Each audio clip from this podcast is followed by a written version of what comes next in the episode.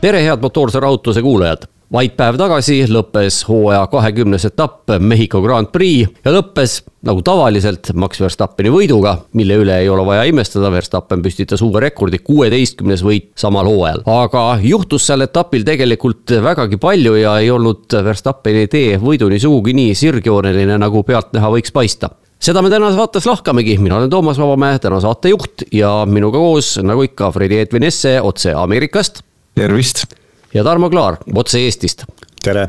no kui me nüüd hakkame vaatama seda Verstappeni teed võidu poole, siis ähm, võitis ta ju tegelikult suure ülekaaluga, sisuliselt viieteist sekundiga, aga selliseid komistuskive oli seal teel päris palju või õigem oleks öelda, et tegelikult sõitjaid, kes oleksid võinud teda ohustada, oli päris palju, aga kõik kuskil koperdasid. Verstappen ainsana ei koperdanud. kas teile jäi ka samasugune mulje? No päris samasugune mulje ei jäänud selles mõttes, et äh, kui mõelda pelgalt äh, kvalifikatsiooni peale, siis äh, Ferrari mehed olid ju ise minu meelest kogu meeskonnaga ülimas hämmingus, et kust see kiirus nüüd siis äkki tuli. pime kana, kana leidis ka tera antud juhul. tõsi, koperdas Lando Norris, kes äh, kvalifikatsioonis esines väga-väga tagasihoidlikult. aga no kui sa tahad, vist ei taha kohe rutata sõidu juurde, siis. me võime igale poole rutata. võib, aga siis ma. aga, aga, aga ära väga lase, sest ma tahan ikkagi kuulda, mis Fredi ka ütleb. ma just tahtsin öelda, et las Fredi ütleb ka no sa, sa ütled, et Verstappen saavutas hooaja rekordi kuueteist võiduga ületades seejuures enda eelmise aasta rekordit, viisteist võitu ja siis me peaks olema imestunud, et oi, et keegi ei saanud temale vastu või et, et kus kõik teised. ei, ma tahan, ei vastupidi, ma tahan just küsida, et tegelikult, tegelikult ju mitmesugustes, mitmesugustes võistluse varasemates staadiumites, see tähendab siis enne Grand Prix starti, oli ju täiesti õhus, et on, on tõsised ohustajad, noh, Tarmo nimetas siin Norrist, eks ole, kes puterdas ära kvalifikatsiooni. tegelikult mina ütleksin, et äh, oli ka täiesti Alex Albon, kes ka kvalifikatsiooni ära puterdas, tema oli ju kahel vabal treeningul olnud Verstappeni järel teine. ega, ega see, no me sõiduni jõuame, aga see ei oleks kuidagi, isegi kui oleks ühe ringi kiirus olnud, see oleks materialiseerunud sõidus.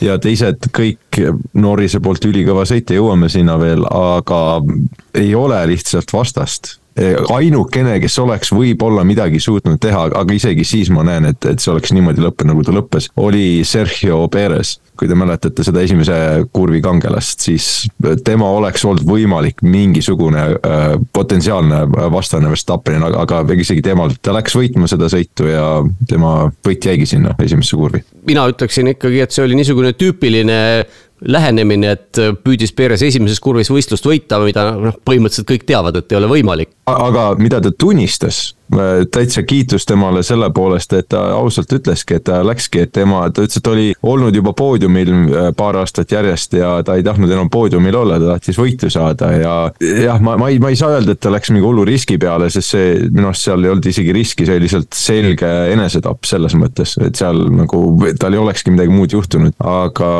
tal oli võimalust, kui ta oleks natukene suurema kaarega läinud sealt ja oleks, jumal teab, oleks võinud äh, Verstappen ja Leclerc omavahel kuidagi seal äh, kinni ennast mässida ja Perezil oleks olnud võimalus, aga kui sa sellise enam-vähem peaaegu kindla enesetapumissiooni peale lähed, siis ega sealt ei tulegi midagi, et selles mõttes oli kahju, aga kiitus, et ta tunnistas seda ei, nüüd te hüppasite juba sõidu juurde. ei hüpanud. aga sa küll, Toomas, oled saatejuht, aga minule lõikas kõrva igatahes äh, vabatreeningute ajal see, kui äh, paraku ei kuulanud ma Toomast, sellepärast et äh, no, õige ka ma kuulasin ühte, ühte teist allikat, sellepärast et lisainformatsiooni puhtalt saada ja seda lisainformatsiooni ma sain. ja üks härrasmees siis oli Aston Martini boksis seal vabatreeningute ajal, ütles, et Aston Martin võttis vastu nüüd otsuse pärast Austini etappi, et nad ei too enam auto uuendusi sellele nädalavahetusele, kui on sprindisõit sest ei saa midagi mõistlikult testida. ma mõtlesin, et püha müristus, kust te pärit olete? millal te liitusite vormel üks sarjaga, mis üllatus see nüüd siis on, et kui on äh, sprindi nädalavahetus, siis teil ei ole aega midagi testida ega aru saada, mis mida muudab. see oli selline põhjapanev otsus ikkagi Aston Martini poolt, nii et ma loodan, et nüüd hakkavad asjad minema ülespoole ma ei ole selle kriitikaga otseselt nõus, tänapäeval käib enamik, nagu te teate, enamik auto testimisest käib simulatsioonis. kõik enne, nii, nii võistlusnädalavahetus äh, kui ka autojupid ja, ja sõitjad ise, kõik on selles nagu simulatsioonis osa. seal on eraldi simulatsioonid, kas siis sõitja on osaline selles või, või mitte. see testitakse, sõidetakse läbi kõik ja see peaks töötama, nii et, et tänapäevase tehnoloogiaga sa jõuad sinna nädalavahetusele ja see kõik peaks töötama. Aston Martin ei olnud ainus too nädalavahetus, Mercedes tõi uuendused, Haas tõi uuendused. Äh, nii et, et see ei olnud kuidagi nagu, et ainult Aston Martin oleks seda teinud ja, ja mida me hiljem oleme kuulnud ka, et Aston Martin on tunnistanud, nende simulatsiooni on lihtsalt kehv ja, ja noh, selles ongi see häda, et, et kui neil oleks olnud normaalne või ütleme, õigesti töötav simulatsioon, siis neil ei oleks olnud häda, aga nad panid juba sellega mööda, et nad panid liiga vähe jahutust oma piduritele. see rikkus neile esimese vabatreeni, ainsa vabatreeningu ära ja tuleb välja ka nende simulatsioon muus osas, ütleme nagu CFD-s või, või muus osas, mis peaks autole seda nüüd kiirust juurde andma, on ka täiesti möödas, sest vaadates millist, see ei ole isegi vähikäik, see on, ma ei tea, öelge mulle mingi loom, mis tagurpidi kõnnib. nii kiiresti ei kõnni keegi. Aston Martin just aga, aga nii, niimoodi ongi läinud Aston Martini, et, et see on neil ilmselge äh, tooling'u ehk, ehk siis tööriistade, mis iganes äh, vahendite äh, häda see aasta, sest need inimesed ei ole, neil olid need inimesed, suutsid kuidagi suutsid talve jooksul väga hea auto ehitada, aga pärast seda on, on see väga rappa läinud neil. millal saabus uus tehnikadirektor? Kas see oli eelmise aasta kevadel millalgi? jah, minu arust aprillis. siis ei saa teda ka süüdistada, aga jah, see on tõesti, et Aston Martinil on käinud selline järjekindel allakäik kuskil, ma ei tea, maikuust alates või. aga no see selleks, mina ütleks, et Mehhiko Grand Prix oli siis neil tõesti nii madal-madal seis, kui veel vähe olla saab, aga, aga kui sa nüüd hakkasid juba rääkima nendest simulatsioonidest, kuidas seal peaks kõik paika saama, siis Mehhiko näitas meile ju tegelikult täpselt vastupidist. kvalifikatsiooni lõpptulemus, esimesed kolm intervjuud andsid, kõik olid hämmeldunud. kuidas nii, mis juhtus? Keegi ei saanud mitte millestki aru. no just täpselt. see on täiesti tõsi ja, ja, ja, ja, simulatsioon on ja on ka jälle nii hea täpselt, kui palju sa andmeid, mis andmeid sa sinna sisse söödad ja kuidas sul need mudelid ehitatud on ja noh, emma kummaga sa võid rappa panna, Aston Martini puhul tuleb välja, et sa ilmselt paned mõlemaga mööda ja aga... kusjuures need on ka veel, ei ole otseselt nagu koduaretatud ilmtingimata, need on paljuski ka sisse ostetud teenused, eh, mida erinevad firmad siis pakuvad vormel üks võistkondadele, et me oleme sellised ja sellised simulatsioonid välja töötanud ja nad töötavad nende võistkondadega koos, et need otseselt võib-olla ei ole ka Aston Martin see süüdlane seal, et nende insenerid või midagi on, on eh, metsa pannud, vaid see on selline koostöö kolmanda osapoolega. see selleks, aga ikkagi, kui sul ongi seal midagi mööda pandud äh, simulatsioonidega ja kõigega, siis lihtsalt sul ei jäägi, tegelikult ka, sul ei jäägi aega sprindi nädalavahetusel midagi siis reaalelus proovida loodusest äh, proovida midagi teistmoodi kruttida. aega lihtsalt ei ole, nüüd, äh, kui on tavaline, nii-öelda traditsiooniline vormel üks nädalavahetus, sul on kolm vaba treeningut selleks, et kruttida ühele, teisele või kolmandale poole. Või, või loobuda mingisugusest lahendusest ja panna autole hoopis eelmise etapi noh, aerodünaamika pakett näiteks ja nüüd tuletame meelde, mida ütles Alex Albon äh, kvalifikatsiooni esimeses voorus, kui oli rajale läinud, mida ta ütles raadio teel tiimile, mäletate? hoopis teine auto. no vot, kruttisid, mis nad kruttisid, lõpuks õnnestus ikka valeks kruttida. no head ristad õppinud mehed, ütlen mina selle kohta selle kohta räägiti ka veidi ja, ja Williamsil oli peamine häda temperatuuridega ja nad ise ka päriselt täpselt aru ei saa, et, et nende see kuidagi aerodünaamika töötab teistmoodi selles hõredas õhus, sest kõigil olid need Monaco seadistused peal, põhimõtteliselt nii palju tiiba kui võimalik, aga sa saad äh, läbi õhu kergemini libiseda, sest õhku on lihtsalt vähem. ja, ja kuidagi see Williamsi auto, see pluss siis see temperatuuri muutus ajal ja mis, mis just oli, kui kõrgemad temperatuurid olid, see auto täielikult muutus ja nagu te teate väga hästi nende aastate jooksul, te olete ka näinud, piisab mõnest kraadist Celsiuses. Ja, ja see on täiesti teistsugune auto või auto karakteristikud, balanss, kõik muutub, nii et Williamsil on, on ka teinekord äh, täitsa keeruline sellest autost aru saada, nad on ise tunnistanud seda. No tundub niimoodi, kui me nüüd äh, asume siis sõidu kallale, et tegelikult vist on kõikidel keeruline aru saada, sest no kvalifikatsioon, eks ole, jah, needsamad äh, intervjuud, aga ka sõidus ka, kui me vaatame pikas perspektiivis, siis äh, mina ütleksin, et oli ainult, no võib-olla tagaotsas oli ka veel keegi, aga sealt eesotsas tundus, et ainult äh, kaks sõitjat, kellel autod algusest peale töötasid nii, nagu nad tahtsid ja nii, nagu olid planeeritud. üks neist oli Verstappen ja teine oli Lando Norris. vaikus. vaikus, no vaikimine on nõusolek. olete nõus?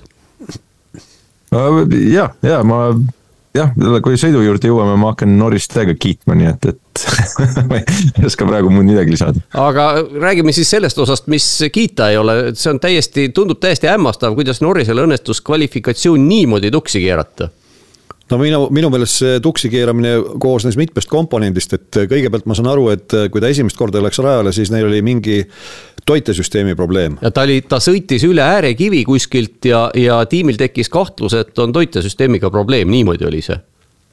Jah, ja, ja pärast ühel hetkel olid kollased lipud ja siis lõpuks ta ise keeras tuksi oma ringi nojah, aga, aga kolm katset põhimõtteliselt ja. oli, nii et ega selles mõttes jah, et äh, kui kolmel katsel ei saa kirja, ega siis ei olegi kellegi teise peale näpuga ei ole näidata. ei ole ja ta tunnistas ise ka, et, et see oli tema viga. ja no juhtub, noh, see on, ongi tegijatel juhtub ja arvestas, milli, millise päeva ta sõitis, siis ei saa nagu tema peale üleliia pahane olla, jah, mõned punktid läksid kaduma, ilmselt oleks äh, poodiumil olnud, aga taaskord ma, ma arvan, et, et kui me näeme sellist esitust äh, sõitjalt, kes ilmselgelt on, on oma ütleme selle, kas mängu juures või on, on oma võimete tipul ma ei tahaks öelda tipul, me ei tea veel, mis tema tipp võib olla, aga ta on väga lähedal seal selle juures. ja seda on lust vaadata, isegi Andreas Stella ütles, et see meenutas talle Alonso kahe tuhande kaheteistkümnenda aasta Valencia sõitu. mille Alonso teatavasti võitis äh, ja Schumacher sai oma ainsa tagasituleku äh, poodiumi toona. Äh, tol sõidul siis ja oli ainukene minu tea-, minu mäletamist mööda ka ainuke põnev Valencia sõit üldse kõigi nende aastate jooksul. siis seda on lust vaadata ja teeb selle kehva laupäeva tasa no tegelikult võib ju öelda, et äh, Norris tegi selle kehva laupäeva tasa mitte terve sõiduga, vaid poole sõiduga, teise poolega. no teise poolega jah. aga kui me seal Norrise juures juba oleme, siis äh, minu meelest ka Norris äh, minu poolt, mitte minu meelest, vaid pälvibki minu poolt ainult kiitust, mis puudutas seda võidusõitu. seal teises pooles ta näitas ilmekalt, et see on lapselalin et tänapäeva vormel üks autodega on väga raske mööda sõita sõitis igal pool, kus ta, ta, hea küll, mitte igal pool, see oli kindel rajalõik, aga ta valmistas suurepäraselt need möödasõidud ette. ta mõtles läbi, mida, kuidas ja siis teostas need möödasõidud. ja mina vaatasin tõelise naudinguga neid ta sõitis veel mitmes kohas, ta sõitis äh, esimesse kurvi, ta sõitis siis kolmandast kurvist välja tulles selle väikse sirge peal, kus on ka DRS. ja siis kohe pärast seda, mis need kurvid oleks siis neli, viis, kuus seal sõitis ka George Russellist sai ju väga hästi mööda, mis no just, oli ka väga nauditav. no just see neli, viis, kuus Russelliga, see oli ju selline koht, kus tavaliselt mööda ei sõideta ja, aga... ja ta sättis selle üles ise, see oligi, ta pani eessõitja pani, pani ebamugavasse olukorda või surve alla ja nagu kasutas seda võimalust. aga mis ma tahtsin lihtsalt, sõidu ajal mõtlesin ka, kui näidati seda kordust, mõtlesin, et vau, et see on muljetavaldav. ja muljetavaldav oli minu jaoks see, kui oli see äh, restart punase lipu all. ja, ja Norris pandi ka karpi seal ja ma ei tea, mul kuidagi kärgates oleks mingi Ocon või Gasly seal olnud. ja nad oleks hoidnud jalga sees ja oleks jälle kolm autot vähemalt väljas olnud või keegi oleks jälle kokku põrganud seal rattad, tagarattad, esirattad haakunud. ja Norris kiirendades selle kiire, kiire sirge peal veel vajutas pidurit. et tulla sellest olukorrast välja, sest ta nägi, kuhu see läheb ja ei ole, ei ole paljudel sõitjatel, isegi need top kakskümmend, kes vormel ühes on, no neil ei ole seda ettenägelikkust ja seda alalhoidlikkust, et, et sealt sellest olukorrast, kus kõik hoiavad jalga gaasipedaali peal, vajutada pidurit järsku ja nagu, et näha, et mis seal võib valesti minna. ja ta võttis selle nagu hoobi sisse aga tänu sellele, ta püsis sõidus ja lõpetas viiendana, et ta ei ole, ta ei oleks muidu üldse lõpetanud nüüd hüppasime kordusstardi juurde, aga tõesti see kordusstart äh, otseülekande ajal ka minu meelest me mõlemad Toomasega juhtisime tähelepanu sellele, et äh, hämmastav. mitte mingit külakuhja, mitte, tundus, et mitte keegi mitte kellegagi kokku ei põrganud, ükski detail kuskilt ei lennanud, keegi muru peale käinud. kordusstart oli hämmastav, aga kui minna põhisõidu stardi juurde, siis äh, see oli selles mõttes hea näide sellisest tüüpilisest Mehhiko stardist. et ütleme, minu meelest Ferrari'd said hea stardi. Verstappen sai imelise stardi. Äh, Perez tegi rahuldava stardi ja nüüd see Pereze taganttulek oli tüüpiline Mehhiko. kus sa oledki selles tuulekotis ja kogud kiirust ja siis sirge lõpus rivistuvad, no antud juhul rivistusid küll kolm autot üles, aga sinna mahub ka neli autot kõrvuti. ja muidugi siis otsustas Perez teha Katari kaks tuhat kakskümmend kolm alias a la siis, mitte alias, vaid a la Lewis Hamiltoni no eks niisugust asja on ennegi tehtud ja ju, ju tal oli meeles aasta kaks tuhat kakskümmend üks, kui Verstappen ju samasuguse manöövriga korraga kahest Mercedesest möödus just nimelt väljastpoolt. jah, aga siis ta sõitis laia kaarega. no sõitis laia kaarega küll, aga no mis sa hakkad siis nüüd mingisugused kaare, kaare laiust mõõtma, kui sul on, ma ei tea, palju seda rahvast seal raja ääres oli, sada viiskümmend tuhat. kõik nõudsid, et Perez peab selle võitma ju, tal oli, no me ei kujuta ette, milline surve tal oli jah, ta, ta ütles, et ta eeldas, et Leclerc äh, pidurdab parem, et ta on tagasihoidlikum, aga no see on eeldus, mida, kas sa tõesti eeldad võidusõitja, kes võitleb ka esikoha pärast, äh, teine võidusõitja siis tahab tõesti varem pidurdada ja koha ära anda või? Kas see on see õige eeldus siis, mida sa tol hetkel teed, no ei ole ju, et jah, et see olukord saabki ainult niimoodi lõppeda. no tegelikult me nägime, et Leclerc ju pidurdas hiljem kui Perez hoopis, mitte varem seda enam oli see eeldus vale jah, täpselt, et äh, Leclerc, vabandust, siis Perezil oli täpselt sama hea ülevaade seal esimesse kurvi pidurdades olukorrast, nagu oli Kataris Hamiltonil. et äh, ta nägi väga hästi tagant tulles, ta ju nägi kogu olukorda pealt, ei olnud sellist asja, et keegi äkki kusagilt sukeldus ja, ja siis ka imet, näed, mul ei olnud kuhugi minna muuseas, kui. tõsi, sellist põhjendust ta ka ei toonud õnneks. muuseas, Katarist rääkides, mäletate, seal oli ka Perez ju sisuliselt samasuguses avariis osaline, kus ta oli, kolm autot olid kõrvuti, tema oli kõige välimine, siis käis pauk ja tema oli kõige suurem kannataja no tolles olukorras võib, Ocon oli siis see, kes surus Hülkenbergi peresile tolles olukorras ja, ja seal võib. ta ei olnud algataja, aga, aga, aga põhimõtteliselt oli suhteliselt sarnane olukord jaa, aga seal võib Oconile andeks anda, sest selles olukorras tõesti ta, ta ei teadnud otseselt, et, et seal on kolmas auto ja ta üritas nii-öelda Hülkenbergi vastu võidelda. Perez teadis väga hästi, et Verstappen on veel Leclerc'il ka sise, sisekurvis, nii et noh, kõik, kõik nagu eeldused olid olemas selle õnnetuse juhtumiseks ja, ja näed, tuligi. ja see ka veel, ta ju ütles pärast seal võistlusjärgses või ka võistluse ajal antud intervjuus, et esimesse kurvi sisenedes ta mõtles ainult selle sõidu võidule jumal hoia, sa ei sõida esimest päeva ega esimest aastat. see on ju vana tõde, ühtegi võistlust ei võideta esimeses kurvis. isegi kui sa oleks jäänud äh, esimese ringi lõpus neljandaks, siis äh, ei ole ju probleemi. teades seda, kuivõrd efektiivne on sinu auto ehk siis Red Bulli DRS, kui pikk on äh, stardi-finiši sirge, ees ootab veel seitsekümmend ringi, no kuhu sul kiiret on, mees? Kas teie usute või ma küsin, kas teie usute, et Perez uskus, et ta suudaks sõidu sees Verstappenist mööda saada, ma ütlen, et ta, ta ei usu. Ja see sundiski sellise meeleheitlikuma manöövri just selles osas, et ta nägigi, et kui ta võtab esimeses kurvis selle ära, siis on tal vähemalt mingigi lootus püsida Verstappeni ees. aga kui Verstappen läheb, siis ta nägi juba, et Verstappen oli Leclerc'ile sisekurvis äh, nagu oli, oli juba põhimõtteliselt ees äh, Leclerc'ist, nii et ta teadis, et kui ta selle olukorra kaotab, ütleme jääbki teiseks või kolmandaks, siis ta enam, siis on võit läinud ka ja, ja ma eeldan, et sellest ka see meeleheitlikkus, sest ta teab, ta usub seda, et ta ei ole nii kiire lihtsalt kui Verstappen no ma ei, ei tea, ma ei näe ta pähe, aga mina tikun arvama, et seal eilses sõidus tegelikult ka ta oli noh, võib-olla siis iseenda poolt aju pestud. mina isegi olen nõus uskuma, et ta eile starti minnes täitsa uskus, et ta võib võita kindlasti uskus, aga, aga jah, see on, ma arvan ka, et tal niimoodi oli, oli kuidas siis seda väljendada, et isiksus oli kahestunud, et üks pool arvas, et ta on võimeline võitma, aga teine pool arvas, et kurat, Verstappen ikka on nii kiire, et ma vist ikka ei võida.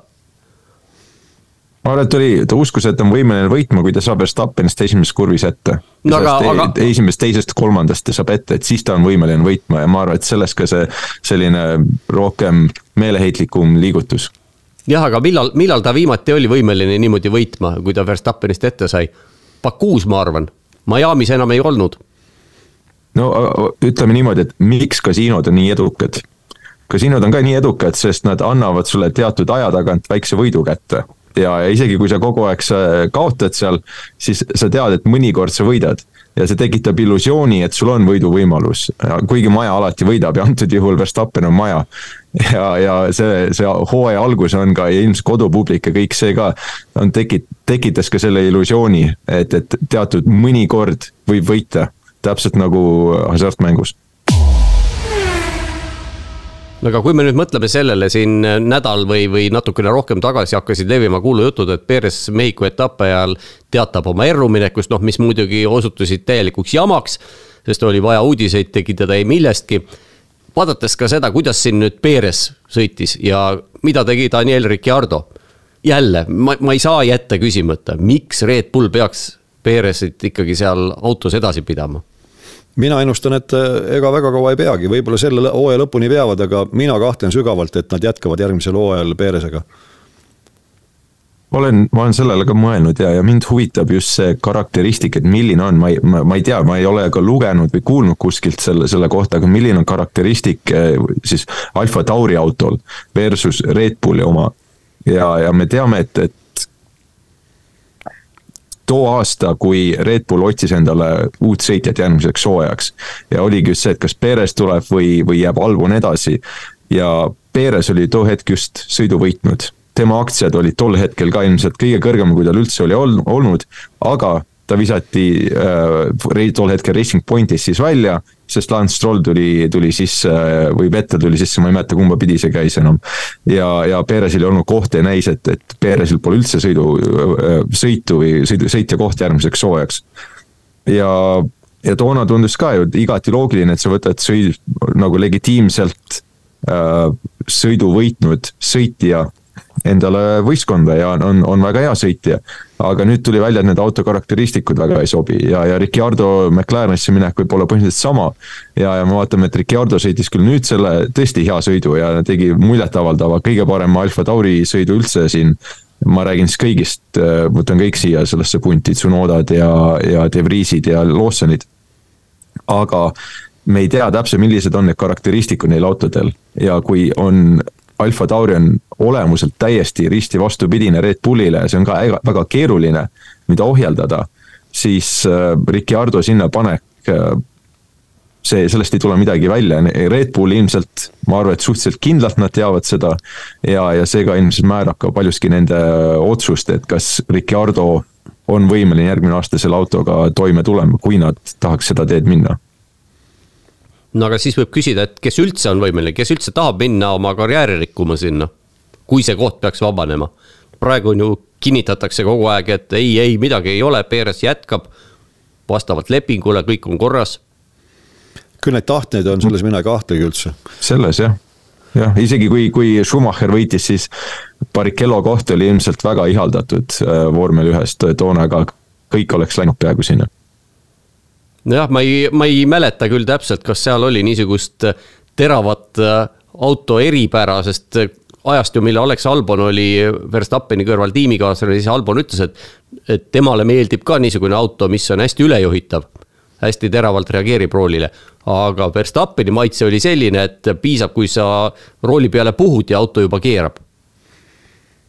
ja sellega ei ole siiani mitte keegi suutnud kohaneda.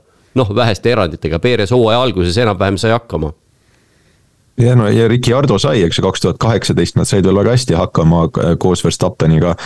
aga see, see aeg viis aastat tagasi, praeguseni ütleme järgmine hooaeg, siis on veel kuus aastat on vahet. seal on väga palju muutunud ja, ja Ricardo kahjuks on tõestanud, nii äge inimene kui ta ka ei ole, on tõestanud, et ta see adaptiivsus on puudulik ta ei ole suutnud, tal isegi Renault's läks tegelikult tal aega ja noh, Renault's rääkis ta, et piduritega harjumine võttis tal kõvasti aega ja mis oli Red Bullis tema, ütleme, põhiline äh, tugevus, midagi sellist, siis äh, McLaren ja ajastu näitas, et tal oli väga raske adapteeruda teistsuguse autoga või teistsuguse stiiliga sõitmisele, nii et see on ikkagi ju see suur küsimärk selle kõige juures ja aga kui me nüüd mõtleme selle nädalavahetuse algusele, esimesele vabatreeningule, siis seal tervelt viies autos istusid eh, niinimetatud noored sõitjad, noh, enamik neist olidki noored. aga nüüd, mis kõige üllatavam oli ju see, et Alfa Tauri autosse oli istutatud Isaac Hadjar. Eh, prantslane, kes on üks kuuest Red Bulli sõitjast vormel kaks sarjas ja teda eelistati, ta on kõige viimane neist kuuest ka kusjuures, punktitabelis kõige tagumine, neljateistkümnendal kohal hetkel. ja teda eelistati kõikidele teistele. millest see võiks rääkida? väga, väga veider otsus tegelikult tõesti no vaatame, mis, mis tuleb siin hooaja lõpus pärast Abu Dhabit, kes, kes sealt pukki pannakse, sest. väidetavalt tema pannaksegi. see on pikem test ja põhjalikum, et, et praegu see üks vaba treening, see ei pruugi nii palju anda, kui see just noorte sõitjate äh, test. jaa, aga fakt iseenesest, et ta sinna pandi ja, ja Abu Dhabis ju äh, Red Bull annab esimesel treeningul mõlemad autod noortele sõitjatele ja teada on, et Hadjar saab olema üks neist kahest nii et Helmut Marko usaldus väidetavalt on tal väga suur. doktor Marko usaldab teda, aga mille baasil? ei tea. Nii, ühesõnaga ei tea, sellest rohkem ei räägi, millest ei tea. räägime Yuki Tsunodast veel natukene. Tsunoda oli väga hea kuni ühe teatud hetkeni, kui ta läks üle piiri. kas see oli üllatav? no minu meelest äh, Tsunoda on kuidagi hooaja jooksul ennast äh, ootamatult kaua vaos hoidnud. seekord tuli jälle vana hea Tsunoda välja. mõlemad Red Bulli sõitjad siis, äh, ütleme mitte Red Bulli, aga ütleme kaks neljast Red Bulli sõitjast Äh, samas kurvis põhimõtteliselt sama manöövriga tegid endal täiesti margi täis. see ei ole, ei ole see koht just, kus äh, või neil oleks seda krediiti, et seda kulutada, aga okei okay,, Tsunoda on tõesti veel järgmiseks aastaks ka kinnitatud. aga nagu me juba te mainisite ka, Red Bullil on neid juunioreid hästi kõvasti äh, tulemas ja kui Ricardo peaks ka ülendatama, siis Lawson on ka endiselt veel Red Bulli juunior. nii et, et seal nagu seda valikut on kõvasti ja samal ajal Ricardo tõesti näitas, et ütleme, valikut on kõvasti Alfa Tauri kohtadele, aga valikut Red Bulli kohtadel ei ole ja ainukene üldse ongi Ricardo ja Ricardo näitas ennast väga hästi sellest küljest, Tsunoda näitas, et noh, temal ilmselt sinna Red Bulli mitte kunagi asja ei ole. kas ma mäletan õigesti, et juba tuleval aastal uus Alfa Tauri auto konstrueeritakse põhimõtteliselt Red Bulli baasil, noh nii laialdaselt, kui seda võimalik on või, või oli juttu veel mingisugusest kaugemast tulevikust? minu mäletamist mööda see sai määratud järgmiseks aastaks jah, et nad hakkavad ja. nii palju kui võimalik kasutama Red Bulli juppe ja see tuleb koos selle uue rebranding uga, nii et me ei tea, mis järgmine aasta üldse Alfa Tauri võistkonna nimigi peaks olema. no rääkimata juba uuest juhtkonnastki, seda me vähemalt teame. kuigi, kuigi ma ei mäleta, mis oli selle Äh, saksa džentelmeni nimi, kes sinna, mingi väga tavaline nimi, see ei olnud Müller, aga, aga midagi umbes sellist. kas oli Peter Baier äkki, kes saab uueks tiimijuhiks? no temast. Lorraine Mekis pidi saama ju. tema, tema saab spordidirektoriks või number kaheks, millekski selliseks, kui ma õigesti mäletan. ma mäletan isegi valesti seda. no vot, ühesõnaga, ühesõnaga küsimärke on nii palju, et eks me vaatame. aga räägime siis nüüd sellest tiimist, kust Mekis ära tuli, Ferrarist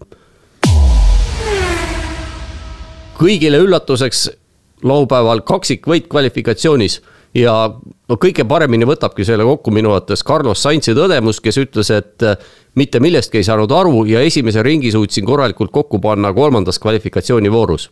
jah, see Sainz ju seal kvalifikatsioonijärgses intervjuus korduvalt kasutas väljendit imelik, strange nagu oligi, kogu Aga kvalifikatsioon oli, oli algusest peale imelik. ja, ja kogu Ferrari võistkond oli minu meelest hämmingus, keegi ei saanud aru, kustkohast see kiirus äkki tuli.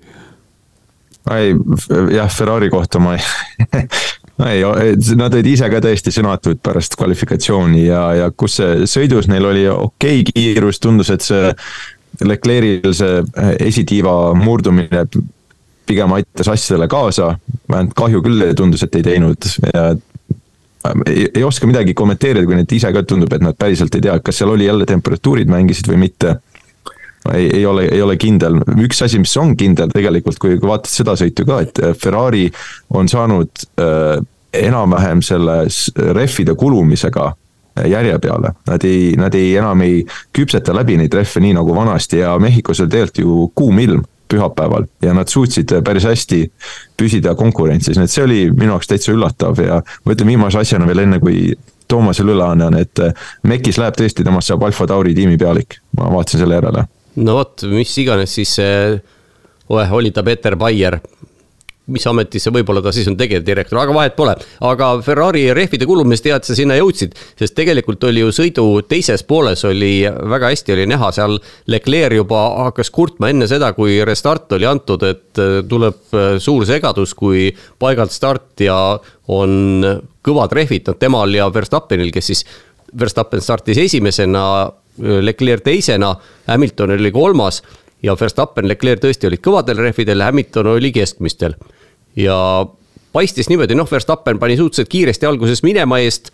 Leclerc hoidis alguses äh, teist kohta, siis läks Hamilton temast mööda ja hakkas vaikselt ära vajuma, aga öeldi Leclerc'ile, et ära muretse, et äh, Hamiltoni rehvid varsti kukuvad ära ja sa jõuad talle järele. tegelikult juhtus ju täpselt vastupidi, mingi aeg suutis Leclerc hoida seda vahet, aga siis see hakkas järsku kärisema et mina, mina julgeksin küll vastu väita, et ei ole sugugi nii hästi ja samas Sainz, kes sõitis Leclerc'i järel, tema ju hoidis ühtlast vahet tema püsis jah, enam-vähem ühtlaselt, aga seal oli jah, see huvitav lugu, et äh, tänu siis äh, Magnusseni avariile, äh, kui sõit katkestati, siis oli kaks ringi varem oli Leclerc käinud boksis.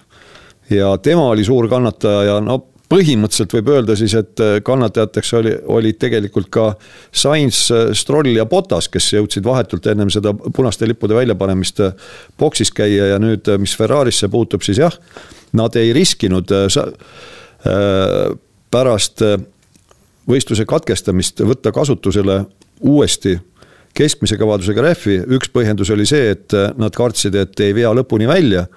ja teine põhjendus, mis Vasseur ütles seisnes selles, et neil oli võtta veel ainult kasutatud komplekt, neil uut komplekti võtta ei olnud, nii et nad ei olnud sugugi kindlad.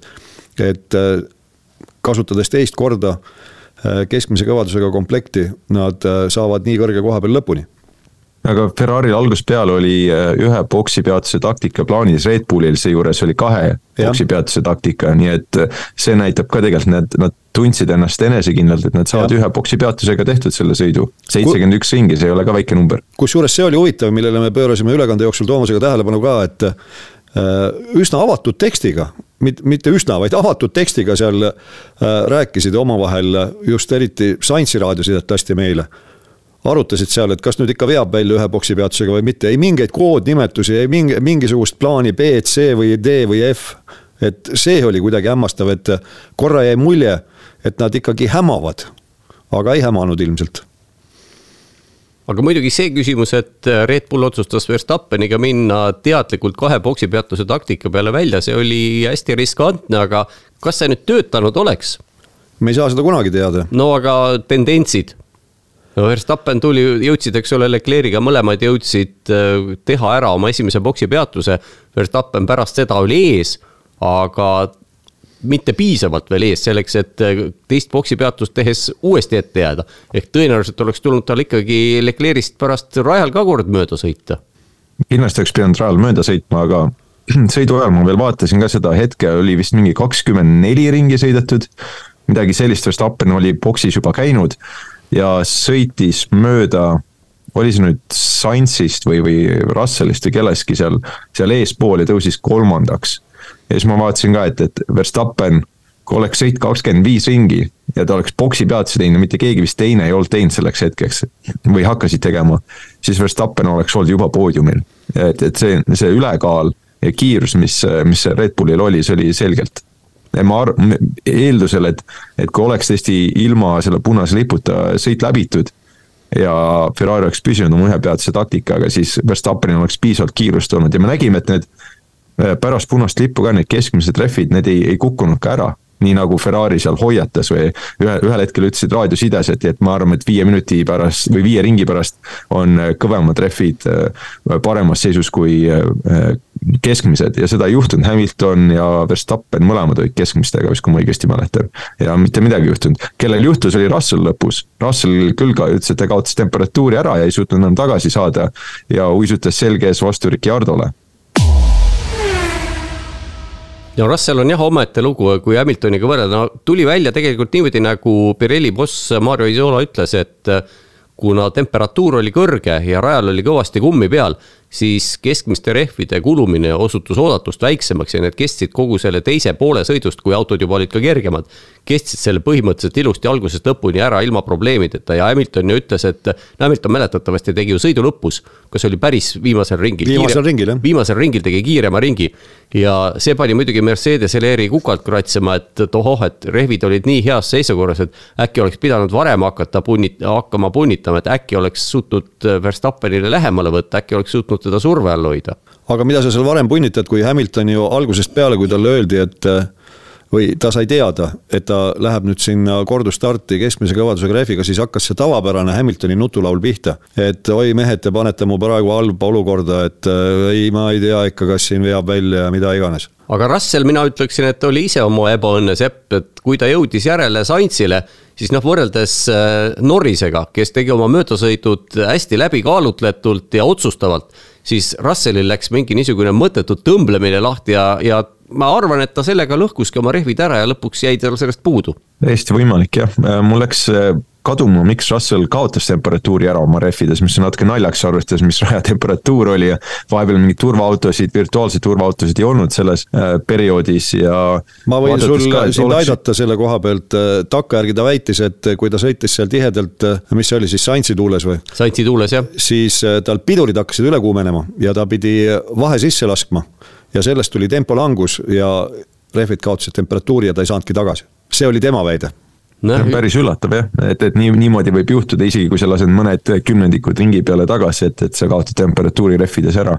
räägime veidi Mercedesest ka sellest vaatevinklist, et äh, neil on nüüd need uuendused peal ja, ja teist nädalavahetust väga veenvalt on Hamilton Russellist eespool. no räägime. Hamilton on väga veenvalt eespool Russellist, mis te arvate? kusjuures mina vaatasin, ma vaatasin kvalifikatsiooni tippkiiruste tabelit. Mercedesed üldiselt olid seal üsna, üsna kehvad oli äh, Daniel Ricciardo oli peasirge lõpus kõige kõvem mees, aga tundus, et paljuski Tsunoda abil, et Tsunoda teda seal ju vedas tuulevarjus kusjuures ka peasirge alguses näiteks Ricardo oli seal aeglasemate hulgas, lõpus aga kiiremate hulgas. aga Mercedes olid kõigis neljas punktis, kus tippkiiruse registreeritakse, kõigi sektorite lõpus ja peasirge lõpus olid aeglasemate hulgas. Ja Hamiltoni, Russelli vahed olid igal pool minimaalsed, need olid ainult mõni kümnendiku kilomeetrit tunnis. ja see justkui viitaks, et neil olid ühesugused seadistused, sest noh, heakene küll, kui on ühes kohas enam-vähem võrdsed, siis võib veel seal mingisuguseid teooriaid luua, aga kõigis neljas punktis on võrdsed, siis see vihjab ju täiesti selgelt, et on ühesuguse seadistusega. no jah iga..., see võib olla, sest Aston Martin on väga sarnane sellele ja see võib olla ja Aston Martin teatavasti kasutab siis äh, väga suurt osa Mercedeselt, äh, tagavedrustus, käigukast ja, ja muud asjad, nii et seal võib olla midagi sarnast ka auto üldises efektiivsuses või midagi sellist, raske öelda, aga jah, äh, minu arust Hamilton ise ka ütles, et neil ei ole seda sirge kiirust, mis nad muidu tahaksid, võrreldes teistega. Jah, aga ta kiitis seda, et äh, mehaaniline pool on neil jälle hea, et seal aeglastes kurvides oli hea pidamine ja see äh, trikk, kuidas ta sai äh, mööda siis Leclerc'ist seisnes selles, et ta seal viimasel sektoril, viimases kurvide kaskaadis suutis hästi sabas hoida ja seeläbi siis istuda seal tuulekotis, et kui see vahe oleks natukenegi kärisenud, siis oleks Leclerc tal eest ära sõitnud sellel ülipikal stardifiniši sirgel. jah, peasirge on üks koma kaks kilomeetrit pikk ja, ja isegi, isegi jah, kui me noh, stardist enne rääkisime, aga isegi stardist esimese pidurduspunktini on ju kaheksasada meetrit.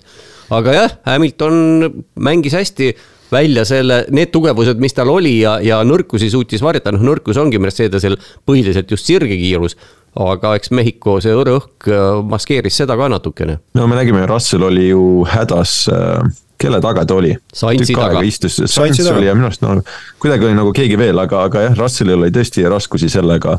Äh, ja Hamilton jah, tundub, et nagu need uuendused on talle uue hingamise nii autole kui ka temale toonud, et siin hakkab välja joonistuma selline tendents, et meil on kolm tipptiimi okei okay,, võtame, jätame Ferrari korraks sellest välja, aga, aga et on Red Bull, Mercedes ja McLaren ja, ja nende kõik esisõitjad on neil nagu teistest eespool, et eelmine etapp ka Hamilton, Verstappen, Norris ja nüüd, nüüd jälle et mind, mind huvitab, et kas see tendents jätkub, aga, aga tundub, et need kolm sõitjat praegu kuidagi istuvad selle oma äh, autoga kõige paremini. Äh, just, mis puudutab ainult pühapäeva, äh, laupäeval jumal teab, Ferrari jälle kuskilt tuleb puu tagant välja ja võtab võidu vähemalt kvalifikatsioonis, aga, aga üldiselt küll vaata, vaatame selle üldise kiiruse poolest tõesti tundus selle, sellel nädalavahetusel ka pühapäeval just siis, et Norris, kuigi lõpetas viiendana, oleks nagu puhas nädalavahetus olnud, oleks tema koos Hamiltoni ja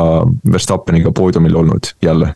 Ja no kujutame ette, et oleks Norris startinud kuskilt esiviisikust näiteks, mina väidan, et ta oleks Verstappenile kõvasti peale käinud. aga mis mulle meeldis tegelikult, no minu leivaks on tavaliselt kujunenud seal äh, ennem starti äh, publikule ette lugeda rehvi valikud. Ja Norris teatavasti või mäletatavasti oli ainus kes startis pehme rehviga. ja eelmise sõidu järel sa äh, Fredi hurjutasid mind, et kuule, mis mõttes nagu sa tahad siin saada erinevaid äh, rehvi valikuid, et pehme rehv, see on ju mõttetu rehv raske autoga. palun väga, Norris takkajärgi kiitis seda valikut, ütles, et väga õige otsus oli. pehme rehviga startida ja tema leiab, et äh, nende strateegia oli igati õige no ta võis ja. olla, aga, aga ma ütleks, et suurtes piirides see siiski väga ei töötanud. Norris võitis ju stardiga täpselt ühe koha Peresi katkestamise tõttu. selle tõttu, et Peres, Peres katkestas. just, just, ta ei läinud kellestki mööda ja hiljem küll enne, enne boksi peatust ta kellestki siiski suutis mööduda, ma ei mäleta, kes see oli, kas see, kas see oli Alonso äkki aga kellestki ta mööda läks ja, ja noh, öelda, et see nüüd on noh, võib-olla tal jah, sõidutunne võis ju hea olla. aga mulle tundub, et eh, selle oleks saanud võib-olla natukene paremini välja mängida. et jah, sellega ma olen nõus, et see lähenemine oli õige et temal ei olnud ju midagi kaotada, kvalifikatsioon oli ikkagi täielikult aia taha läinud. ja no siis tuleb püüda seda vähemalt kaotust minimeerida ja seda ta tegigi. teine asi, mida me nägime ju, mis Hülkenbergi taga tekkis, oli väga-väga pikk DRS-i rong üks hetk ja piisab jälle ühest sellest vedurijuhist ja, ja see DRS-i rong ka väga paljuski neutraliseerib äh, sõidu ära ja noh, vähemalt osade sõitjate jaoks ja, ja me nägime seda ka juhtumas seal, et oleks Norris võib-olla sinna sattunud, isegi kui ta oleks mõned kohad võitnud seal pehme rehviga.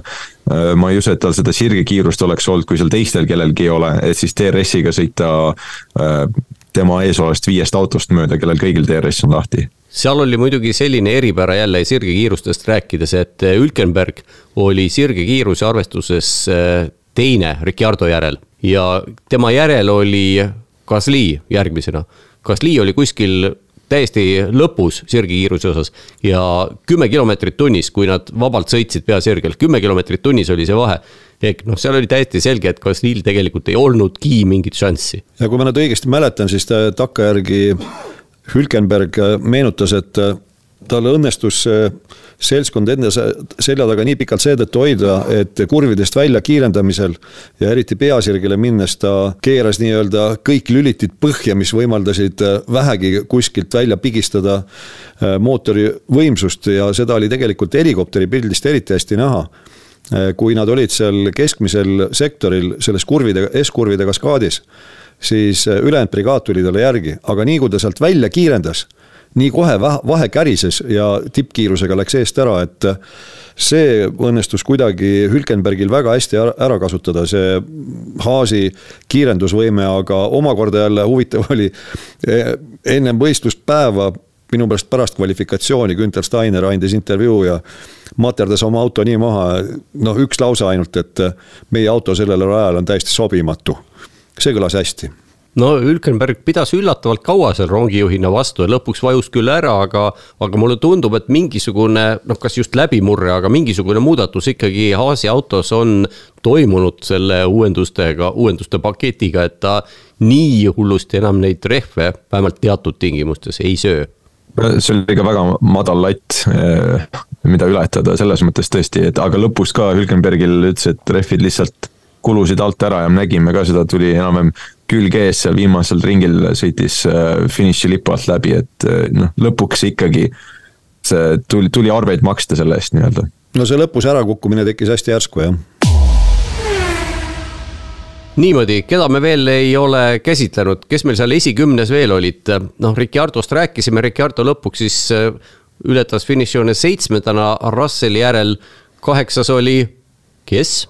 Piastri no Piastri oli mingil hetkel sähvatas nagu treeningutel, aga siis vajus kuskile tahaplaanile ja, ja sinna ta jäigi. ja kui nüüd jätta kõrvale see duell Tsunodaga, mille Tsunoda siis ise ära otsustas, siis mina ütleks, et Piastri oli hädas, kõvasti hädas. Piastri ei peaks Tsunodaga võidu sõitma, seda enam, et heakene küll, et olud mängisid Tsunodale kätte selle seisu, aga Tsunoda ju startis rivi lõpust. Oli hädas küll samas ta oli nüüd esimest korda sellel rajal ükskõik mis autoga, Piastri siis. no ta on enam-vähem kõikidel radadel esimest korda selle autoga. ja no räägime just rajast eriti, et äh, rada ta ei tunne sellel.... mis, mis, mis rajal ta võitis äh, sprindi? Kataris. mitu korda ta seal oli enne käinud? ümmargune no, null. no see selleks, aga ilmselt siis ikkagi kõik need olud seekord ei klappinud, lisaks sellele, kui nad äh, Tsunodaga seal võitlesid, siis äh, võistkond ise ka takkajärgi ütles, et auto sai teil ikkagi vigastada märgatavalt, et äh, see aerodünaamiline efektiivsus ei olnud enam nii hea, aga ma olen nõus jah, et võrreldes eriti eelmise etapiga ta ei säranud, aga sai hakkama. Piastri on täpselt sellises olukorras, kus ta võiks olla tiimikaaslane mõnele Kobayashile või Perezile ja, ja sealt õppida seda äh, rehvi management'i nii-öelda, kuidas rehve hoida ja elus, elus äh, hoida eelkõige siis, et nad ei kuluks niimoodi ära. ja samal ajal kiiresti edasi sõita, sest Perez, kes, keda peetakse praegu üheks parimaks ju ka teatavasti õppis seda Kobayashilt, kes oli äh, enne seda väga andekas selles aspektis, ähm, nii et Piastri ise tunnistab ka, miks mulle Piastri vähemalt meeldib, äh, ei ole küll eriline isiksus, aga midagi kõike sellist isegi Austraalias ta ei ole tänu sellele väga populaarne. aga mis ta mulle meeldib, sellepärast ongi, et ta ütleb jah, see ongi mul probleem. Ta ei mõtle mingeid vabandusi välja, ütleb, et see on asi, mida ma pean, milles ma pean paremaks saama. Ja ongi kõik. Ja, ja ta töötab selle kallal, lihtsalt esimene hooaeg, see ongi niimoodi kõik, kõik F1 sõitjad on, on kunagi rukid olnud ja, ja need Pirelli rehvid on lihtsalt sellised, et eh, vähemalt see hooaeg need nõuavad ka sest eraldi või noh, me teame, et see on teadus, võistkonnad ka ei saa sellest täpselt aru, täpselt millal ja kuidas need rehvid õieti käituvad. Ferrari me rääkisime sellest, et Ferrari on hea näide sellest, mida nad ennustasid ja mis, mis tõeks ei saanud. ja Piastri ka lihtsalt peab äh, rohkem infot oma andmepanka saama ja küll see tal tuleb, ma vaadates tema talenti, siis äh, ma selles väga ei kahtleks praegu. no seda sõitu vaadates mina ütleksin, et Norrise pealt saab õppida küll, see sõit oli ju teine sõidu teine pool oli ikka ikkagi tõsine näidissõit, nagu ma ütlesin, et Norris oli üks kahest äh, piloodist, kes suutis oma rehvid elus hoida ja kiiresti seejuures sõita. Ja, ja mööda sõita, mis on, mis on ka äh,, siin võrreldi Hamiltoni ja Norrise aegu ja need olid peaaegu identsed te, sõidu teises pooles siis. aga mis oli väga muljetavaldav, see, et Hamilton sõitis põhimõtteliselt puhtas äh, õhus. aga Norris pidi möödasõite tegema, ta oli neljateistkümnes pärast seda esimest kurvi, mis, kus Sirgel ta veel kohti ära, ära andis, et mitte õnnetusse sattuda. ja sealt tulla viiendaks, ma ei mäleta, palju neid ringe oli lõpuks, üle kolmekümne midagi või? kolmkümmend viis ringi oli täpselt poole pealt. jah, jah, nii et, et selle ajaga tulla sealt, tõusta jälle uuesti või tõusta viiendaks ja, ja näidata sama head aega kui võistluse teine lõpetanu, siis äh, see oli tõesti väga-väga muljetavaldav. no ja antud juhul igati õigustatult äh, valiti ta nii-öelda selle sõidu populaarsemaks sõitjaks, no see on see. päevasõitja nii päeva, niinimetatud päevasõitjad, kes tegelikult, kuna hääletab ju publik, siis see tähendab, et päeva populaarseim sõitja nojah, seekord tõesti ta oli päevasõitja, kas ma mäletan õigesti, mingil eelmisel etapil ta sai ka päevasõitja tiitli, aga siis oli noh, seda ju hääletatakse pühapäeval, aga pühapäeval oli tal siis mingi täielik katastroof, tegelikult ta sai selle nagu laupäeva põhjal, et ei oleks tohtinud olla päevasõitja, oleks võinud olla selline eilse päeva sõitja. aga see on see inimese emotsioon. nojah, seal hääletataksegi just nimelt populaarsemat, et kes kes tundub kõige sümpaatsem või kes on millegagi silma paistnud, noh, need möödasõidud muidugi Ricky Hartost kõigepealt ja siis eriti Russellist, no need olid põhjused kindlasti ja, ja pluss, et kui palju ta kohti võitis ja kõik sellised asjad no Toomas võib-olla siis peaks selle auhinna ümber nimetama pühapäevasõitjaks. no see kõlab jälle halvasti et tee, tee mida tahad, ükski, ükski asi ei ole parimaks ka asja nimetada, las, las ta olla, ega niikuinii, ega nad mind kuulda, ma võin ju ettepaneku teha, ega nad mind kuulda nagunii ei võta. ega isegi meie sind väga ei kuula. ja õige ka, me igalühel on omad mõtted, ei ole vaja kõike kuulata, mida ma räägin, aga Alex Albon sai üheksanda koha, kui tema oli ju selles mõttes õnnetu mees, noh nagu juba mainisime, et auto läks täiesti teiseks, viimase vaba treeniga kvalifikatsiooni ajal. Albon küll võitles ennast mingisuguse imeväega kolmandasse kvalifikatsioonivooru, aga siis kukkus sealt jälle välja, kuna oli rajapiire ületanud. no selliselt taustalt üheksas koht ei ole väga vigagi no kas me saame öelda Williamsile, et kui nad ühe punkte saavad veel ja mitu punkti, lausa kaks, siis et, et ei ole, ei olnud väga vigagi, et põhimõtteliselt jah, nad kindlustasid, ütleme kindlustasid ikkagi, Ricardo sai kuus punkti küll Alfa Taurile. aga ikkagi nad kindlustasid, ma ütleks pigem niipidi, oma seitsmendat kohta konstruktorite arvestuses. pigem jah, sest äh, Williamsil tundub see punktide saamine ikka olevat reeglipärane. et kui me vaatame neid kohta, kolme tagumist tiimi, heakene küll, Alfa Tauri on nüüd saanud viimase kahe etapiga üksteist punkti lausa aga põhimõtteliselt on need ikkagi üsna, üsna juhuslikud, noh ja rääkimata seal Alfa Romeost ja, ja kes meil viimane, Haas on viimane jah, no nendel on üldse niisugune, et äh, kunagi ei tea. enamasti ei tulegi kuskilt midagi, on ainult sellised äh, asjaolude kokkulangemised, nagu Hülkenberg tõi, oli see Austria sprint, kus ta sai seal, läks täkkesse rehvivahetuse ajastamine ja tulid korralikud punktid, nii et noh, muidugi mine tea, Brasiilias järgmine etapp on ka sprindiga viimane hooaja viimane etapp ja no Brasiilias võib sadada, Brasiilias võib igasuguseid asju juhtuda. vähemalt nende treeningute põhjal mina küll ausalt öeldes ootasin Albonist ja tegelikult ka Sargentist. Sargent ei olnud küll väga ei säranud, aga sellist, jällegi näitas sellist kiirust, nagu temalt oodatakse. aga kukkusid mõlemad ära ja noh, muidugi lõppkokkuvõttes jah, Sargentil see kvalifikatsioon läks täiesti metsa ja, ja sai ta veel karistada nagu tavaliselt peaaegu, et võiks öelda ta, ta ei suuda jah korralikku nädalavahetust, no tee, tee, ma hakkan vaatama, et no Latifi oli parem sõitja no päriselt, noh. Latifi sai vähemalt tõi punkte ju mõnikord. Ja, ja Sergeant okei okay,, ta sai tõesti selle oma ühe punkti, me eelmine nädalavahetus rääkisime, kuidas ja miks see juhtus, aga no ei saa lihtsalt miljon erinevat häda, mis juhtub ja, ja lõpuks ka ikkagi sai küll nagu tulemuse kirja, aga, aga kuueteistkümnes ja noh, tegelikult oli DNF, nii et ei, ei tee, tee mida tahad, aga ei tule sealt. aga kes siis tuleval aastal Williamsiga sõidab? ei tea, ei tea. no neil üks Red Bulli endine juunior on juba, miks mitte teist võtta? nojah, vot nüüd on see teema, et Red Bulli poole pealt on tulnud ju selline kuidas siis öelda, mõttevälgatus, et äkki nad lõpetavad nüüd oma selle noortesõitjate programmi ära ei tea siis, kas äh, on liiga palju neil üle pea kasvanud see noortesõitjate brigaad, kes, kes kõik läheb konkurentide juurde või, või milles see teema on? no minu meelest on seal viimastel aastatel käinudki selline suhteliselt suvaliselt rapsimine, noh kasvõi seesama fakt, et äh, vormel kahes, seal on kakskümmend kaks autot ja kuus neist sõitjatest on Red Bulli juuniorid. no kui see oleks korralikult äh, manageeritud programm, siis ei tekiks sellist olukorda, et sul on kuus sõitjat ühes ja samas sarjas kas äh, Helmut on äkki veidi liiga vana selle jaoks, ma ei, ma ei taha kuidagi nagu vanust siia tuua, et, et see nagu mingi määrav faktor oleks, aga Helmut on teada-tuntud olnud kui selline puusalt tulistaja paljuski ja, ja võib-olla see, see püss ei ole enam nii täpne tal no ega tal on ennegi viltu pannud, mäletatavasti minu meelest kõige suurem viltupanek ikka pärineb siin üsna kaugest minevikust, kui ta arvas, et Enrique Bernoldi on parem sõitja kui Kimi Räikkönen ja Räikköneni ei ole vaja toetada, et see on ikka sajandi prohmakas. mindi koguni, mindi, mindi lausa tülli Sauberiga, nii et äh, Sauberi toetamine lõpetati ära. jah, ei, see võib tegelikult täitsa reaalne olla, äh, Fredi, et äh, ongi kauaks selle ametiposti otsa jäänud ja võib-olla tal endal lihtsalt äh, pole enam seda sära silmis, et äh, otsida. no piltlikult äh, ja sõna otseses mõttes ei ole seda sära silmis, ei ole seda sisemist põlemist, et otsida neid talente no vastupidi, ta on otsinud kuus tükki leidnud justkui. tema leidis De Vriesi ka, nii et ja, jah, selline, ta ei, tänapäeval on see nii sõitjate hindamine ja, ja analüüsimine, see on ju tegelikult ka kõrgem matemaatika.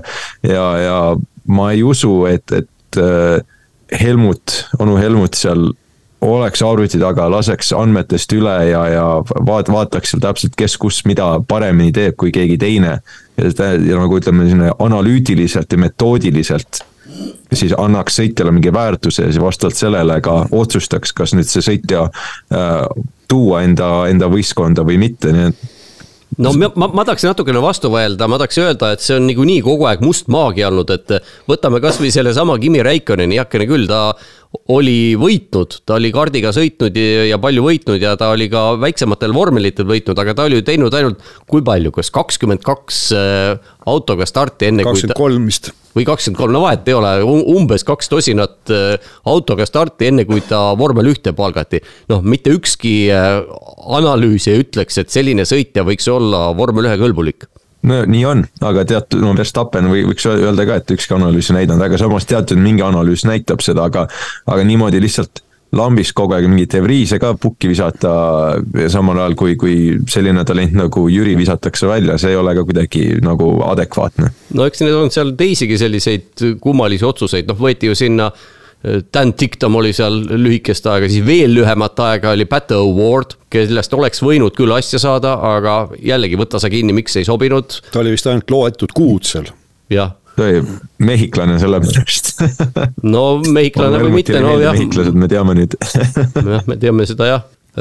ja esikümne lõpetas siis äh, vahva vagun Hülkenbergi rongis tükk aega sellel positsioonil istus. Ocon, kes oli ju kõva raadio, raadio teel kõva mees, ütles, et kuule, helistage Haasile, andke teada, et siit tuleb nüüd kaubarong ja ma panen mööda.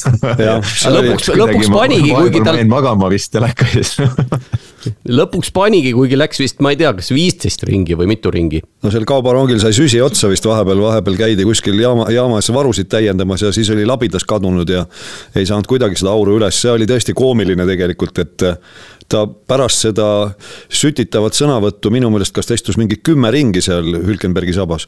No pikalt, pikalt, pikalt, aga noh, lõpuks mööda läks. Jah, eks no eks alpiini tiim teab ka ju väga hästi seda, et äh, kui sul on H sees, siis ühel hetkel vältimatult sellel autol kuluvad rehvid alt ära ja sa lähed põhimõtteliselt mitte midagi tegemata mööda. no tuleb küll Oconi auks öelda, et ta ikkagi üritas seal midagi teha. päris äh, paaril korral ikka käis päris tõsiselt peale, aga noh, eks siis auto jälle kuumenes üle ja tuli väekese tagasi võtta jah, ja Alpini puhul üldiselt ka tundub, et vahet ei ole, mis toimub, Aston Martin võib eest ära kukkuda ja, ja eh, mida iganes muud, mis iganes muud arengud ka siin võis, võistkondade nagu pingerivis on, siis nemad ikka istuvad kuskil seal kohtadel üheksa kuni kaksteist, midagi sellist. Ja, ja see oli, see oli ka jälle täpselt see näide, et kuidagi noh, peaaegu isegi rajast olenemata, nemad hõivavad selle koha, et nad tunnevad ennast mugavalt selles tsoonis. Ei, ma ei ütleks, et päris rajast sõltumatult, kas see oli Austini kvalifikatsioonis, kui jõudsid nii Ocon kui ka Gasly jõudsid ju mõlemad esikümnesse nii et aeg-ajalt no, mingi. ma ütlen, ma ütlengi peaaegu. mingisugustes oludes äh, nad täiesti on pädevad ja siis mingisugustes teistes oludes kukuvad täiesti ära, no midagi imelikku ei ole ka selles, kui alpiini auto jääb esimeses kvalifikatsioonivoorus pidama, sealt ei pääse edasi. see on täiesti, täiesti igapäevane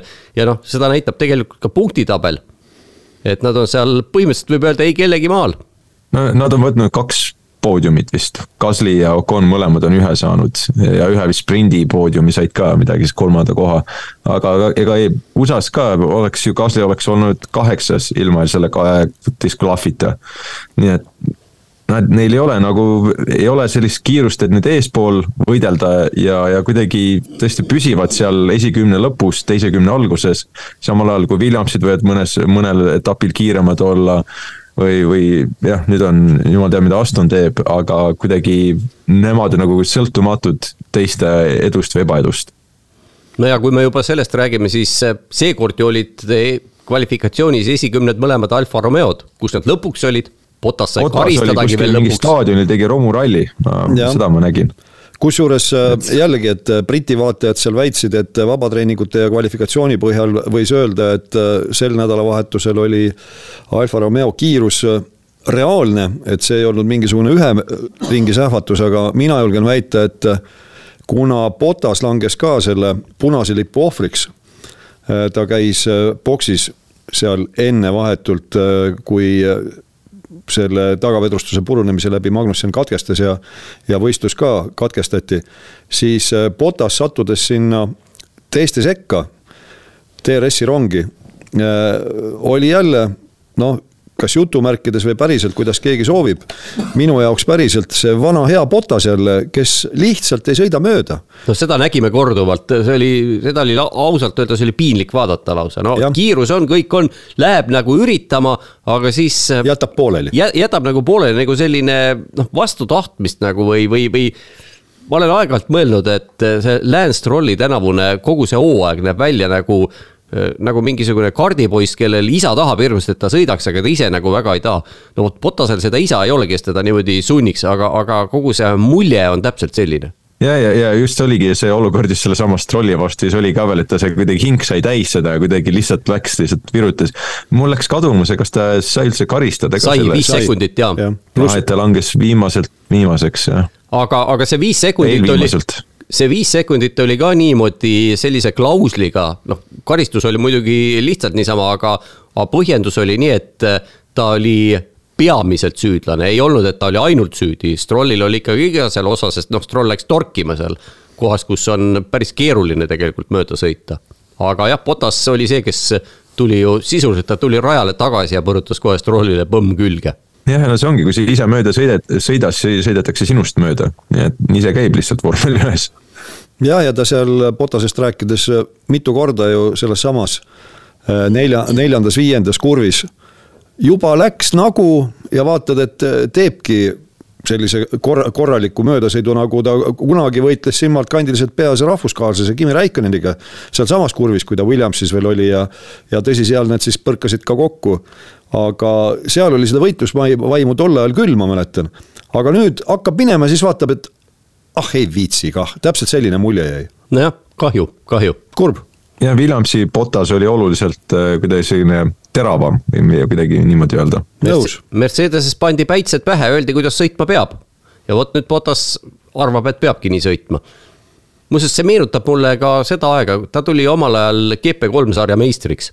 ja GP3 sari põhimõtteliselt tollal oligi selline, kus mööda ei sõidetud kvalifikatsioon pani järjestuse paika, need autod olid sellised, et möödasõitmine oli äärmiselt keeruline, noh, treeningud olid, treeninguaega oli vähe, kõik see, olud olid sellised, põhimõtteliselt sõidetigi kvalifikatsiooni järjekorras ja, ja see sari ei, üks asi, et ta ei arendanud möödasõiduoskust, teine pool, et pigem ta pärssis seda.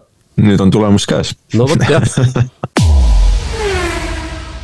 aga kui me nüüd vaatame selle etapi tulemit ehk punktitabeli hetkeseisu, no Verstappen on omaette kosmoses. temal hakkab varsti vaikselt viissada punkti täis saama viiekümne esimene Grand Prix võit tuli, millega ta nüüd on Alain Prostiga kõigi aegade edetabelis neljandat kohta jagamas. Sebastian Vettel on kolmas, ainult kaks võitu ees. et äh, ilmselt väga vähesed julgevad pakkuda, et Verstappen ei jõua tänavu Vettelile järele. aga kui me nüüd hakkame sealt edasi vaatama Verstappeni taga, siis äh, Sergio Perezil, kes enne, kellel enne kodumaist Grand Prix'd oli kolmkümmend üheksa punkti edu Lewis Hamiltoni ees. põhimõtteliselt tal õnnestus pool sellest äh, ma ei, ma, ma ei saa öelda isegi, et ühe võistlusega, ma tahaks öelda, et äh, ühe sirgega maha mängida. ja kui neid trende vaadata, heakene küll, Hamiltonil ei ole tänavu ühtegi võitu kirjas. ja ei ole ühtegi ka selliseid supersäravaid esitusi. aga trend on täiesti selge, ta vääramatult läheneb Perezile ja ilmselt läheb ikkagi mööda ka, enne kui see aasta läbi saab. mulle tundub ka, seal on nüüd kolm etappi jäänud, järgmine neist on sprindi nädalavahetus. sealt on võimalik veel suurem punktisaak korjata ja, ja tõesti, mina küll ei näe varianti, et Perez ennast kokku võtaks siin hooaja lõpus ja mingisuguseid väga säravaid esitusi tegema hakkaks. ta on ju niigi võtnud omale abiks seal neid ajumudijaid, kes on nähtavasti tal ajukäärud täitsa sirgeks mudinud, et ta ei ole, pole ühtegi seal enam.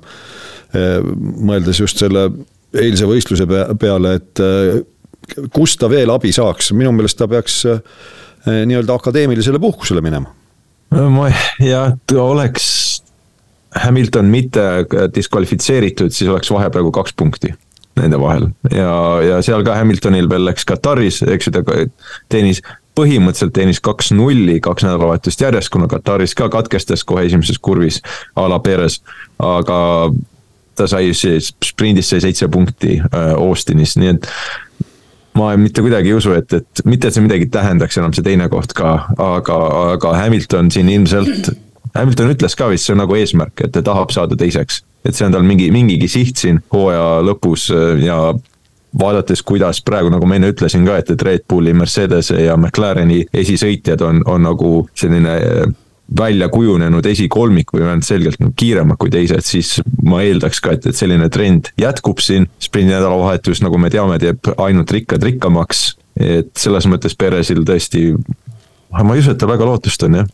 aga kui me nüüd edasi vaatame, siis neljandat kohta seal neljandat kohta hetkeseisuga jagatakse Hispaania kodusõjaga, aga seal tundub ka üldiselt kogu mäng, mäng ühte väravasse käima, Carlos Sainzil ja Fernando Alonsol on võrdselt sada kaheksakümmend kolm punkti, aga noh, Alonsol see nädalavahetus ju täielik katastroof, noh, tegelikult võib öelda kogu Aston Martinil ja mitte ainult nemad üksi, kui vaatame veel tahapoole, siis seal on ju kohe ka Leclerc ja eriti on seal Norris ja, ja tundub, et eh, sellest seltskonnast, noh, Alonso trend on selgelt allapoole, tema tõenäoliselt lõpuks jääb neist neljast kõige viimaseks, aga Norris, kuigi sel nädalavahetusel kaotas natukene punkte Ferrari sõitjatele, siis jällegi trend ütleb, et tema peaks lõpuks olema neist mõlemast ees ilmselt küll ja, ja eriti veel, kui on sellised muutuvad ilmastikuolud, on siin ju Ferrari mehed kurtnud, et nende auto on ülimalt tuuletundlik, samamoodi nagu Williams. McLareni kohta ma seda küll kuulnud ei ole, siis äh, praegu tundub küll niimoodi, et kui samas vaimus kõik jätkub, siis äh, Norrisel on tee ainult ülespoole. Alonso on viimase kuue etapi peale viisteist punkti teeninud. hooaja algul ta teenis iga etapiga viisteist punkti ja niimoodi viis korda järjest.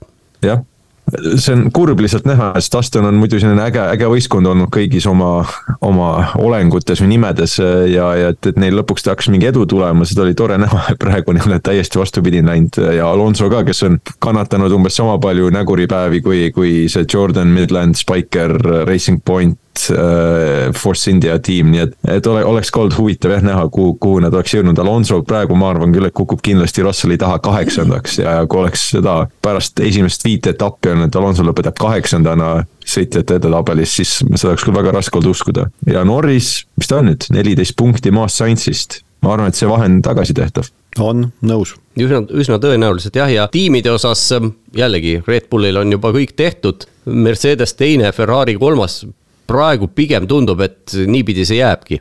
sel nädalavahetusel vist nad mõlemad korjasid ühe palju punkte, et äh, kakskümmend seitse jah, ja Red Bull sai kakskümmend viis isegi, nii et olid jah, Red Bull täiesti harukordselt jäi tiimide arvestuses nädalavahetusel kolmandaks. aga noh, see suurt pilti ei muuda. võitlus käib ju Alfa Tauri ja Alfa Romeo vahel, sest neil on üks viik täiesti.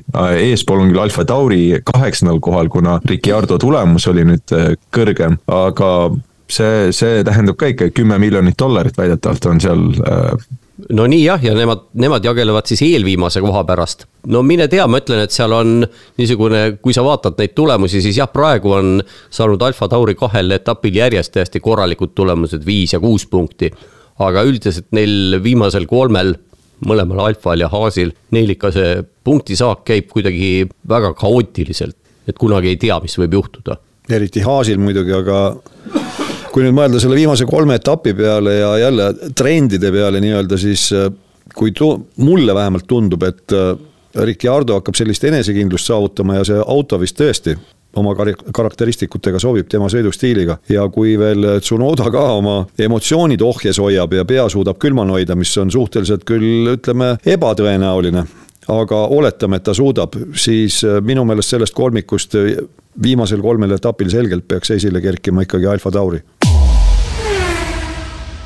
Toomas mainis ka juba Brasiiliat, et seal võib kõike juhtuda, tavaliselt juhtubki, siis see, see, me mäletame, kas, kas oli Caterham toona üks aasta, kui ka neil oli mingi võitlus äh, selle Marussiaga ja vist Vitali Petrov kõigist sõitjatest üldse, keda sa ette suudad kujutada, see tüüp teenis punkte. minu arust oli, oli niimoodi üks kaks tuhat mis oli mingi kaksteist või midagi sellist. ja, ja see seal, see näitab tõesti, et seal võib kõike juhtuda, kui Petrov isegi sai punkti kirja Caterhamiga. nii et, et siin võib ka mitte, mida iganes juhtuda, Haas võib äkki võtta veel, eelmine aasta Kevin Magnussen oli esimene ju kvalifikatsioonis, nii et, et siin Haas veel neli punkti Alfa Taurist maas, et see, see võib just kõik sassi lüüa. Las Vegas, eri, noh, Abu Dhabi on täiesti nagu mõttetu koht minu arust sõitmiseks ja seal, seal nagu mitte midagi põnevat ei, ei, ei mäleta peale selle, et, et Hamilton hoidis üks aasta Rosbergi kõvasti kinni. ja noh, okei okay,, kaks tuhat kakskümmend üks ka, kui, kui Maasi hakkas äh, oma asju ajama. aga Las Vegas või on praegu selline küsimärk, sest mis seal toimub, kas see on rohkem nagu kas see on rohkem nagu siis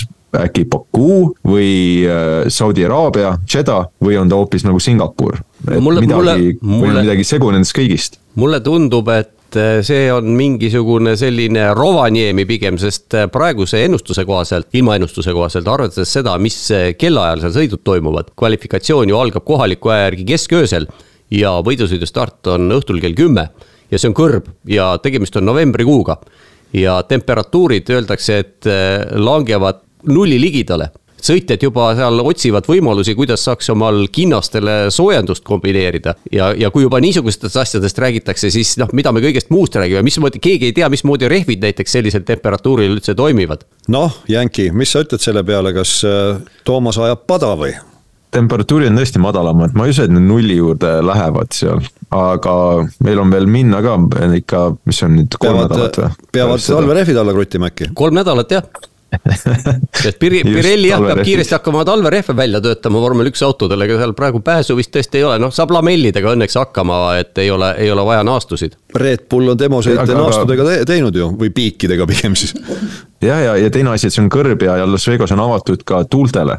ma olen isegi seal täitsa korralikus liivatormis olnud, kui, kui seal tõesti need tuuled tulevad läbi. see võib olla vägagi, vägagi selline segav faktor või, või ütleme seda pingerivi muutev faktor, kui, kui me paneme selle külma ja, ja siis veel äh, selle tuule juurde. me ei hakka päris vist Vegase mingit analüüsi tegema, aga võime mõelda, kes siin olid head äh, äh, tiimid, kui tõesti oli külm ja oli vaja rehve kiiresti soojaks saada, kas, kas Haas võib oma kodurajal äkki midagi suurepärast saavutada, kujutate ette, kellel on ka hea sirgekiirus nüüd. no nimetada Las Vegas Haasi kodurajaks on pehmelt öeldes liialdus, ma julgeks öelda, aga noh, mine tea. Neil on kolm kodu, täpselt nagu Sargentil on kolm kodusõitu, on ka Haasil kolm kodusõitu. hea, hea küll, hea küll, samas no riigis. ja, ja seal on ju see, et. Toomas see..., Toomas, saa üle, kodusõda on ammu läbi, need on Ameerika Ühendriigid. ma tean küll, ma, ma tean küll, aga, aga Sargent on Floridast, eks ole, ja, ja Haasi kodu Ameerikas, nii palju kui ma tean, on Carolinas, mis on Florida naaberosa osariik, samal ajal kui Las Vegas on ju põhimõtteliselt hoopis läänerannikul mitu tuhat kilomeetrit eemal